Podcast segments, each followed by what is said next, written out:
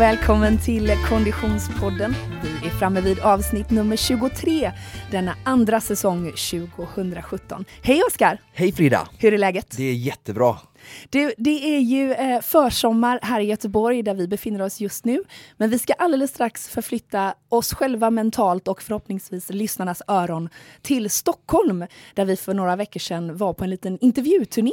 Ja, absolut. Eh, tre stycken jätteintressanta gäster som vi spelar in på Scandic Haymarket och eh, jag tror väl det sist ut nu är Mårten Nylén. Precis, det är honom vi ska få träffa.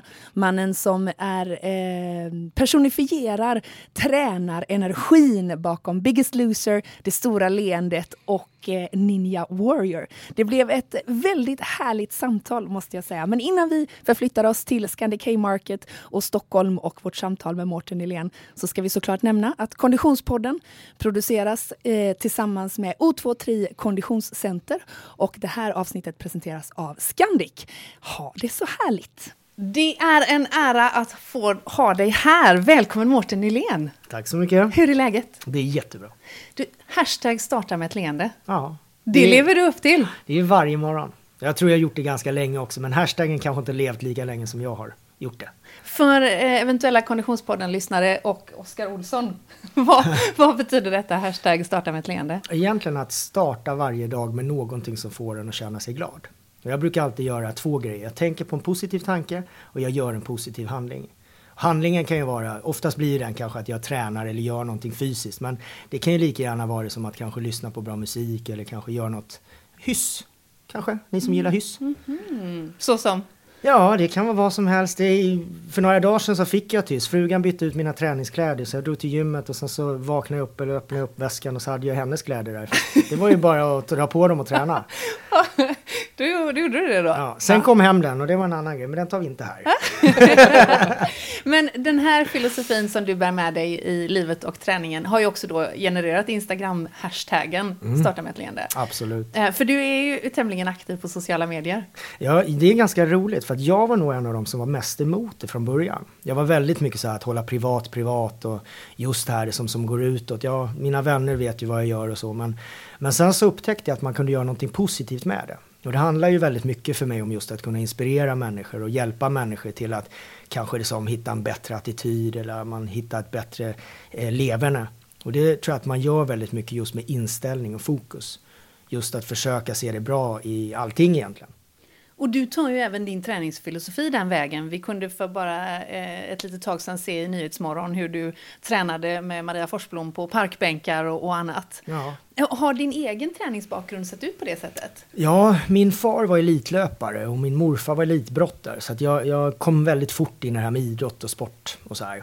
Blev pushad positivt. Så att jag fick ju välja. Sen hittade jag kampkonsten väldigt tidigt som har följt med mig sedan dess och mitt hjärta ligger ju i all form av kampsport, kampkonst. Så att jag har ju tränat det här sedan jag var liten och gör det än idag. Men just det här med liksom att hela tiden försöka liksom hitta det som är bra och försöka liksom göra det roligt och sånt har följt med mig hela vägen.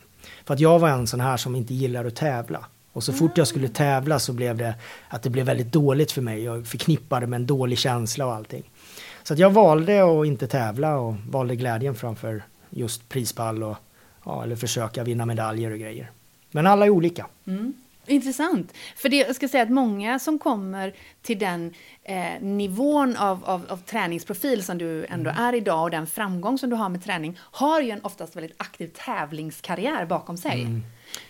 Jag har ju en väldigt aktiv träningskarriär bakom mig, men, och det är ju lite olika. Men, men för mig så tror jag det handlar väldigt mycket om just det här med kunskap och intresse. Och jag har ju alltid brunnit för det här och för mig så tror jag liksom att just hela, hela min värld har ju alltid kretsat kring just eh, det fysiska, det mentala. Vad kan man göra med kropp och sinne?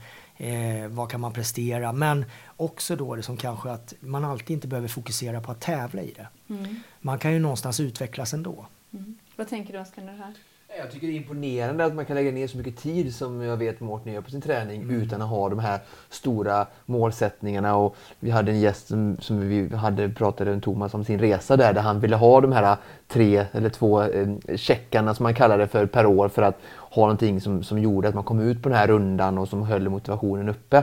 Så det krävs nog väldigt mycket självdisciplin tror jag att ändå vara på sån hög fysisk form eller status som du är, har utan att det kanske direkt är sådana såna tävlingsmål där man får jämföra sig.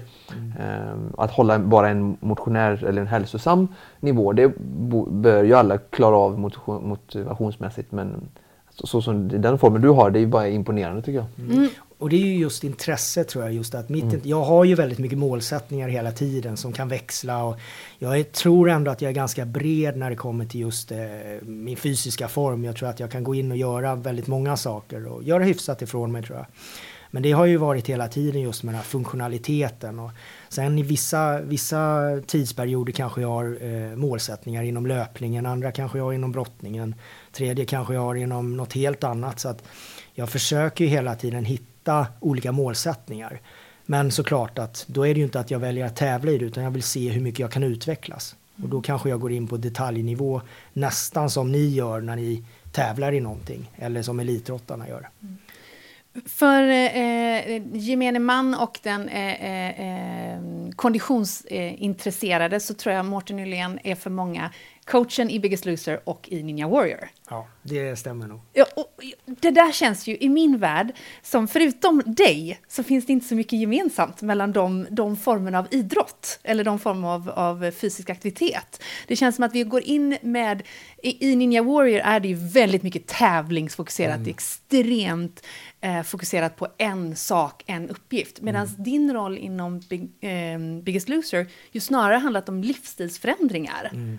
Vad, vad, vad tilltalar dig i de båda olika inriktningarna? Alltså för mig egentligen, jag brinner ju för just det här med att förändra, att eh, våga försöka, liksom att verkligen ta tag i saker. Och tar vi Biggest Loser som en tävling i viktnedgång så handlar det inte om en tävling för mig där heller, utan det handlar någonstans om att gå in och hjälpa de här människorna och det var ju ofta så här att de här deltagarna hade enligt dem själva försökt allt. Försökt att förändra, försökt att göra om och få saker att bli bättre och må bra.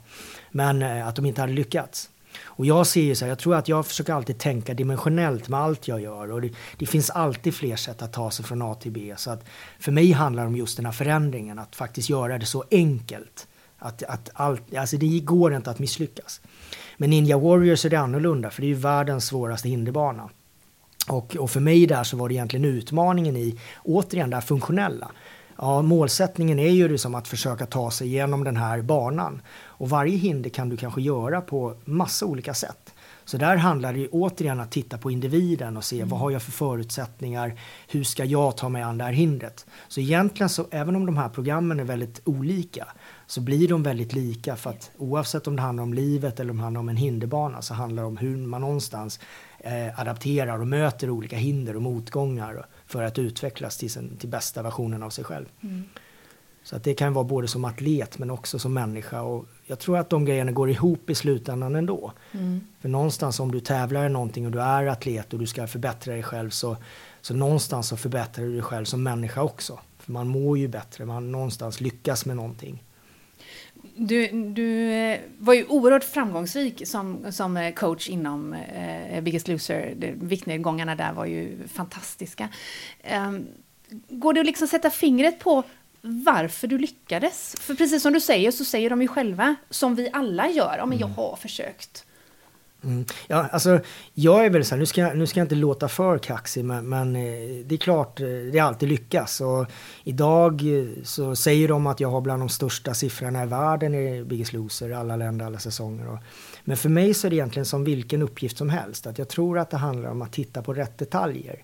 Att många människor, de kanske stirrar sig blinda på saker som inte gör någon stor skillnad. Eller där du inte liksom kan få den här stora förändringen. Medan jag försöker titta på de sakerna där man kan göra skillnad.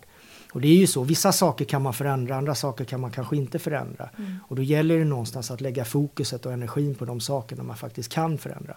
Och vissa saker kanske man inte ens vill förändra, men, men just det här med att man kan välja då vad man vill liksom börja och jobba med. Mm. Om vi får lite behind the scenes där. Eh, du, du, hjälper ju dem. Eh, det man ser i programmet, det lilla jag har sett, så är ni mycket i ett gym ibland där ni står och hejar på dem och instruerar dem.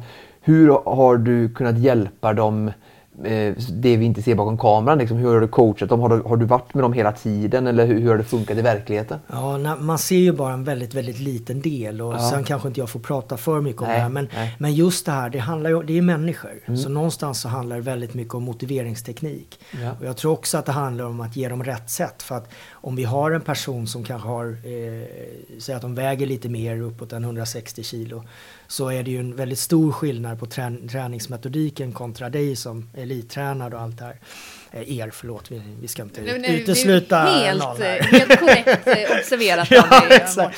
Ja, nej, men så, att, så att det är ju just det här också att anpassa träning och just välja rätt sätt att skapa själva ett, en handlingsplan som fungerar.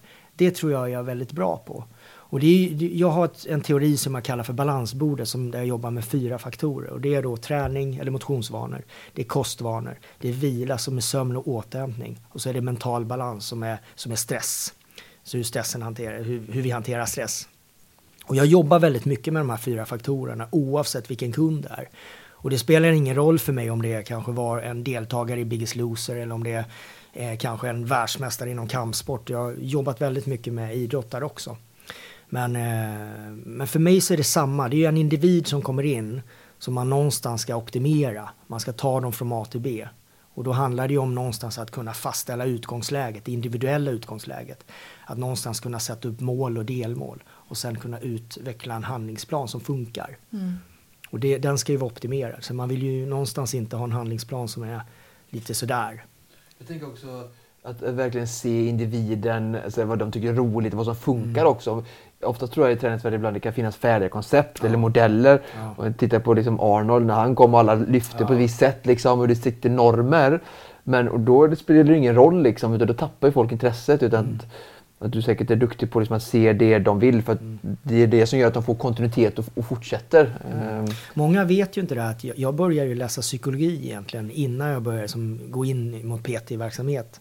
Så för mig så handla, har det alltid handlat väldigt mycket om just det här att vårt sinne styr egentligen vår kropp och det, det är ju egentligen synkar man inte dem så kommer det inte att funka. Utan man måste någonstans, ska man ha en förändring som blir långvarig, som funkar i längden så måste man jobba mycket med, med just huvudet. Skulle du säga att det är den fjärdedelen av balansbordet som är mest eh, outforskad för många? Ja, eh, du menar, menar du stressen då? Eller menar Ja, du? eller, Alltså, I stress egentligen anser jag idag ett av vår, vår tids största gissel. Och är, vi människor vi är bra på väldigt många grejer. Var är din telefon som du inte hade stängt av? Nej, jag skojar. det var Teknik-Peters klocka vill jag bara... eh, for the Vi, vi fick record. lite så här bassningar innan de att stänga av allt. Det, det är skönt. Det är lite rysk roulette här. Se när min ringer. Eh, nu glömde jag vad vi pratade om. Men, eh, Om stressen, den fjärde, ja. den, en av de fyra delarna i Exakt. balansbordet. Ja, vi, jag anser att vi människor vi är väldigt bra på många saker men vi är extremt bra på just två saker och det är att göra saker lite svårare än vad saker behöver vara och sen är att skapa mer stress än vad vi egentligen borde ha. Eh, självklart, jag tror att stress är en väldigt stor del i det som just vår tid. Men jag tror att man bör titta på sig själv först och egentligen analysera vad man har svagaste länken. För att vi människor är ju olika. Och just att generalisera vad man bör göra eller vad man bör titta på. Jag tror att bästa resultatet får man ju någonstans när man börjar titta på sig själv först. Och det är då man kan utvecklas som mest också. Ehm, du, du nämnde ju lite grann i förbifarten där då Ninja Warrior. Ja. Ehm, jag känner att jag åtminstone till de två Konditionspodden-lyssnarna som är 9 och 12 år, det vill säga mina söner, är skyldig att fråga lite mer om Ninja Warrior. Vad var det de? De borde vara här. Alltså det här är ju, att, att, att du är här idag är ju ungefär det coolaste som deras mamma någonsin har uppnått, tror jag de tänker. Eh, och, och jag håller ju med, för att det här är ju ett fängslande program, en fängslande tanke.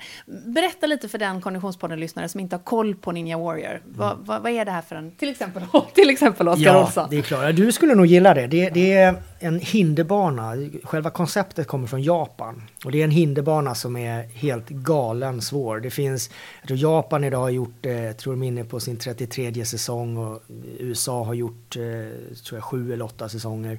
Eh, Sverige har vi gjort två säsonger. Och just det här konceptet finns i många länder. Och det är endast eh, sex stycken personer i världen som har lyckats ta sig igenom hela banan i alla säsonger i alla länder. Hur långt tar det dig? Eh, det ska vi inte prata om här.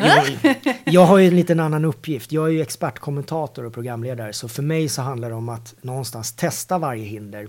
och testa banan såklart, så jag vet ju hur långt jag tar mig.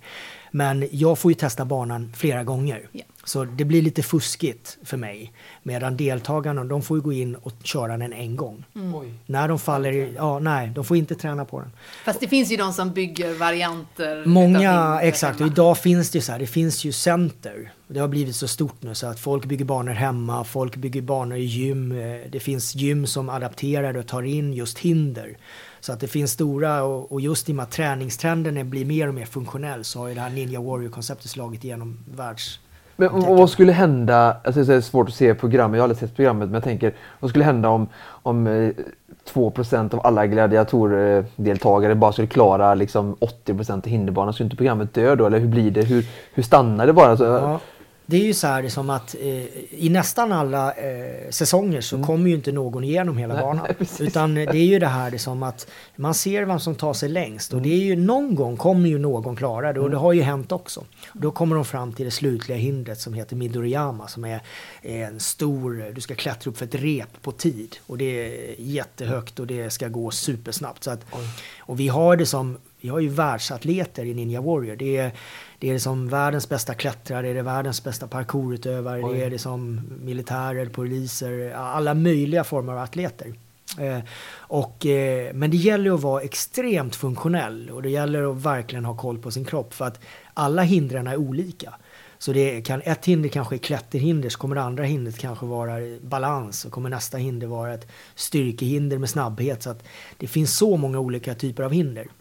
Men trenden idag är ju väldigt mycket just att hinderbanor har ju exploderat. Folk springer OCR-lopp, folk vill utmana sig själv och det som egentligen jag tyckte dog ut lite grann med alla lekparker för barn.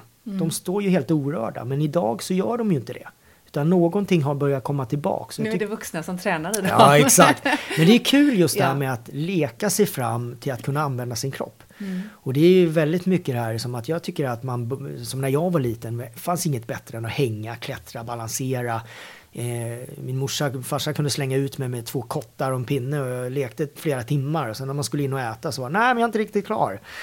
Så att, men det är just det här, eh, idag så blir det ju väldigt mycket datorer, telefoner. Och jag tycker man, inget fel i det, men man måste någonstans se över balansen. Mm. Det, det, fysisk aktivitet eh, känns ju som att den typen av lek, både för vuxna och barn, är ju det ultimata hälsoaktiviteten man kan bedriva. Ja, mer än triathlon eller konditionsidrott om man bara pratar hälsoperspektiv. Där, att just att jobba med kroppen funktionellt som du säger. Med, få barn att börja med lekparkerna och sen gå över till Ninja Warrior när de blir vuxna och ska exakt. motionera. Ja, det finns ju massa grejer. Alla människor är ju olika och vi gillar ju olika saker. Så att jag tror viktigt att man då någonstans tittar på sig själv igen och faktiskt väljer någonting som man själv tycker om att göra. Men att man ah, faktiskt inkluderar det här med fysisk aktivitet för att vi mår bra av det, vi behöver det. Mm. Så att det är viktigt för oss att vi faktiskt rör på oss. Och det känns också som att eh, Ninja Warrior, som ju då är världens svåraste hinderbana och eh, ouppnåelig för eh, eh, 99,9,9 procent av alla oss alla, så är det ändå tillgängligt för många olika. Du nämnde ju att det är många olika sorters eh, eh, atleter som deltar. Och det, Jag tänker att det måste ha också väldigt mycket med psyket att göra. Ja, det är klart. Och det, det är ju också det här som att kunna snabbt analysera. Det är som om du går på gatan och, och snubblar på trottoarkanten. Att man då snabbt kan kanske parera och inte slå i eh, asfalten hårt. Det är ju mycket det här med, med just att kunna eh, använda sin kropp och hantera sin kropp. Och det, du behöver inte vara starkast i världen för att klara banan utan det är snarare att du ska vara väldigt funktionell och hålla dig kall och någonstans se vart du ska. Mm. Och portionera din styrka. Ja, och kunna anpassa efter dig själv. Mm. För vissa är längre, vissa är kortare, vissa är tyngre, vissa är lättare. Och så är det ju egentligen med allting, att man måste någonstans ut, använda det man har Mm. på ett bra sätt som passar en själv. Podden heter ju Konditionspodden. Mm. Eh, Ska vi köra konditionstest nu? Ja, eh, exakt. Surprise! det roliga är att du hade varit på garanterat. Ja, Eh, det är klart. Erbjöd dig även att sitta i split eh, framför mikrofonen. Men, men eh, Konditionspodden har ju sitt eh, ursprung i att eh, Oskar är eh, konditionsnörd och Nu många av våra säga lyssnare. gammal. Gammal? Nej, faktiskt av allt han är så är han inte gammal. Nej, Nej. Men, och många av våra lyssnare är väldigt eh, konditionsinriktade och intresserade. Eh, hur mycket konditionsträning är det för Mårten Helén? Det är ganska mycket i perioder ska jag säga för ärlig. Men, men jag, jag anser att konditionen är väldigt viktig i nästan allt man gör. Mm. Det spelar ingen roll vad jag vill göra, om jag vill boxa eller om jag vill springa eller om jag vill göra hinderbanor. Utan det, konditionen ska aldrig vara eh, ett issue. Utan eh, jag tränar nog ganska mycket kondition. Men sen är det ju såklart, vissa perioder kanske jag kör lite mer intervall med löpningen, andra perioder kanske jag jobbar med intervallerna med något annat. Mm. Eh, men springer emellanåt, eller springer väl ganska mycket ändå tycker jag eh, oftast. Men kan också ha perioder när jag kanske springer mindre. Men jag rör på mig hela tiden. Jag tror jag tränar kanske en 13 pass i veckan året om. Har gjort det sedan jag var liten. Så att, men jag anpassar såklart min träning väldigt hårt. Så att vissa pass är väldigt korta, vissa kan vara andningsövningar, vissa kan vara teknikövningar. Jag försöker liksom hålla min träning så levande som möjligt. Hur stor del står konditionsträning för? Säg att den kanske står för eh, en tredjedel kanske. Mm. Skulle jag tippa på inom min träning. Mm. Och hur kan ett eh, konditionspass se ut? Eh, jag, jag, gillar ju, eller gillar ska jag inte säga, jag gillar kanske egentligen inte löpintervaller men någonstans så gillar jag effekten av dem. Vem gör det? Ja, och, och jag kan tycka just effekten av löpintervaller eh, på mig tycker jag att jag svarar väldigt bra på. Sen så älskar jag just allt som har med kampkonst att göra och kampsport så att där får man ju intervaller från, eh, ja nu ska vi inte svära i radio men i, riktiga intervaller kan vi kalla det för. Aha. På, eh, utveckla. Nej, jag tänkte, jag försökte ducka en svordom här, men, ja. men det får hon göra i löpningen också. Men, men eh, just inom kampen då Det här så... är podd, du får svära Ja, ja, ja, okej, okay, men då kan vi svära på. Men då får jag betala min dotter massa pengar, Jaha, så jag tänker ja, ja. hon ska få dem ändå. Nej, men just det här som att kunna liksom använda hela kroppen på ett annorlunda sätt. Mm. Så är det för mig ett väldigt bra sätt att just jobba med hög puls. Mm. Vad har du för favoritträning under den här perioden som vi befinner oss i nu? Just nu så, så har jag mycket löpträning. Eh, jag är inne i boxningen ganska hårt. Tränar med en eh, kille som heter Isam Khalil. Jag eh, kör såklart en hel del med eh, hinderbana just nu. I och med att jag snart ska göra ett lopp i det också. Mm -hmm. eh, och sen, så är vi inne på tävlingen då här nu alltså? Ja, eller tävling och tävling. Jag ska, jag ska utföra loppet. Eh, och sen så har jag blivit lite nyfiken på yoga så jag kommer eh, stega in i den världen också alldeles strax. Ah, vad spännande. Mm, mm väldigt spännande. En ny värld för dig? Ja, det är en ny värld för mig. Och jag var iväg på en träningsresa och, och, gick in och testade ett pass och tyckte det var otroligt intressant när jag stod och skakade. Jag hade två damer bredvid mig. En, jag tror de låg i kanske 50-55 års åldern. Och, och jag darrade som ett asplöv och de stod stilla som eh, två hus. Och eh, kände det som att här finns det mycket för mig. Utvecklingspotential. ja, exakt. Och det är ju det som är grejen att just det med utmaningar har jag alltid gillat. Det är just bara tävlingsmomentet. Så man får inte tolka det fel där. Att jag, jag gillar just det här som att när jag hittar någonting som jag kanske känner att här kan jag lära mig massor. Och jag tror just det har varit en stor drivkraft för mig. Att jag vill gärna lära mig och förstå olika saker. Mm. Och, och, där kommer det in på träning så finns det ju tusentals olika träningsformer. Och jag tror att man kan hitta saker i, i varje träningsform egentligen. Mm. Om man väl, som man kan adaptera och plocka upp och sätta in i sin egen träning för att utvecklas som, som både person och ja, som på, på mig själv. Mm. Mm. Eh, och hur ser din vardag ut i övrigt? Du jobbar som PT Eh, ja, jag, jag, är lite mixad. Säg, min, mitt liv ser egentligen, det som är konstant är att jag vaknar väl kvart i fem varje morgon 364 dagar om året. Eh, och gör någonting. Nej, då kanske jag vaknar kvart över fem. Aha. Ja, mm. så då är det lite så morgon. Ja. Men så är jag väldigt morgonpigg. Ja. Det eh, och då, jag gör alltid något fysiskt på morgonen. Det är så jag startar min dag. Och sen så, eh, ja, sen så kan jag äta frukost och kan dra till jobbet. Och vissa dagar så kör jag PT. Nu är den där telefonen igen. Andra dagar så, så kanske jag gör, eh, säger att jag föreläser en hel del just nu. Jag har precis släppt iväg en egen föreläsningsturné mm. som går runt 20 städer i Sverige. Som heter Nyckeln till resultat. Och eh, den har tagits emot väldigt väl. Så att säga att idag, från att ha varit en person som inte gillat att stå och prata inför folk, så är jag en person som älskar att föreläsa. Mm. Men det är återigen det här med att jag har ett syfte, jag har ett budskap, jag har någonting jag kan ge människor. Eh, så det kan vara en hel del föreläsningar. Jag har, som du sa där, lite tv såklart. Mm. Och det är inte bara Ninja Warrior och Biggest Loser som jag gjorde innan. Utan nu är det kanske Nyhetsmorgon. Jag försöker liksom hitta de ställena där jag kan göra någonting bra. Mm. Sen har jag en annan grej som eh, kommer komma ut snart och det kommer komma ut på webben. Då kan folk följa med mig på massa olika hyss och bus som jag kommer göra. Och, men också få komma in i min värld med träning. Och där mm. kan man ju få det bildmässigt lite mer också. Så folk får haka på mig världen runt och ja, besöka olika gym och människor som kan vara intressanta och höra deras version. Okej. Och yoga är lite grann den nya, nya sportinriktningen då, eller nya Nej, det, det, är nog bara en ny gren skulle ja. jag säga i, i mitt träd. Som jag skulle, där jag känner att jag kan lära mig mycket och vad jag förstår där också så är det ju just att jag tror att jag kan få väldigt mycket vinning av just framförallt det här med andningsteknik och just där också med positioneringar och sånt. Och i och med att jag har brottats en del och så, så, så är det ju tror jag att det kommer vara ganska bra för även den biten. Mm. Är du även en bollsportskille?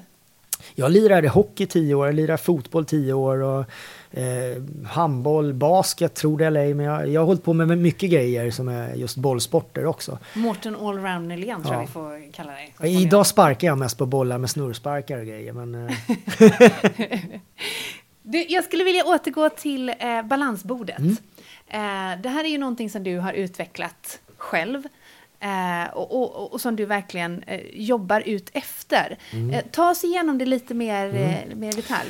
Balansbordet är egentligen en teori som, eh, som hjälper människor att skapa för att sedan hålla balans. Och jag tror att allting i naturen strävar efter balans. Vi behöver någonstans skapa balans för att vi ska kunna utvecklas som bäst. Och just när det kommer till oss människor, oavsett vad vi har för målsättningar, oavsett vad vi startar ifrån med vilka förutsättningar, så tittar jag på fyra faktorer. Och de fyra faktorerna är då motionsvanor, kostvanor, vila som är sömn och återhämtning och mental balans som är stress.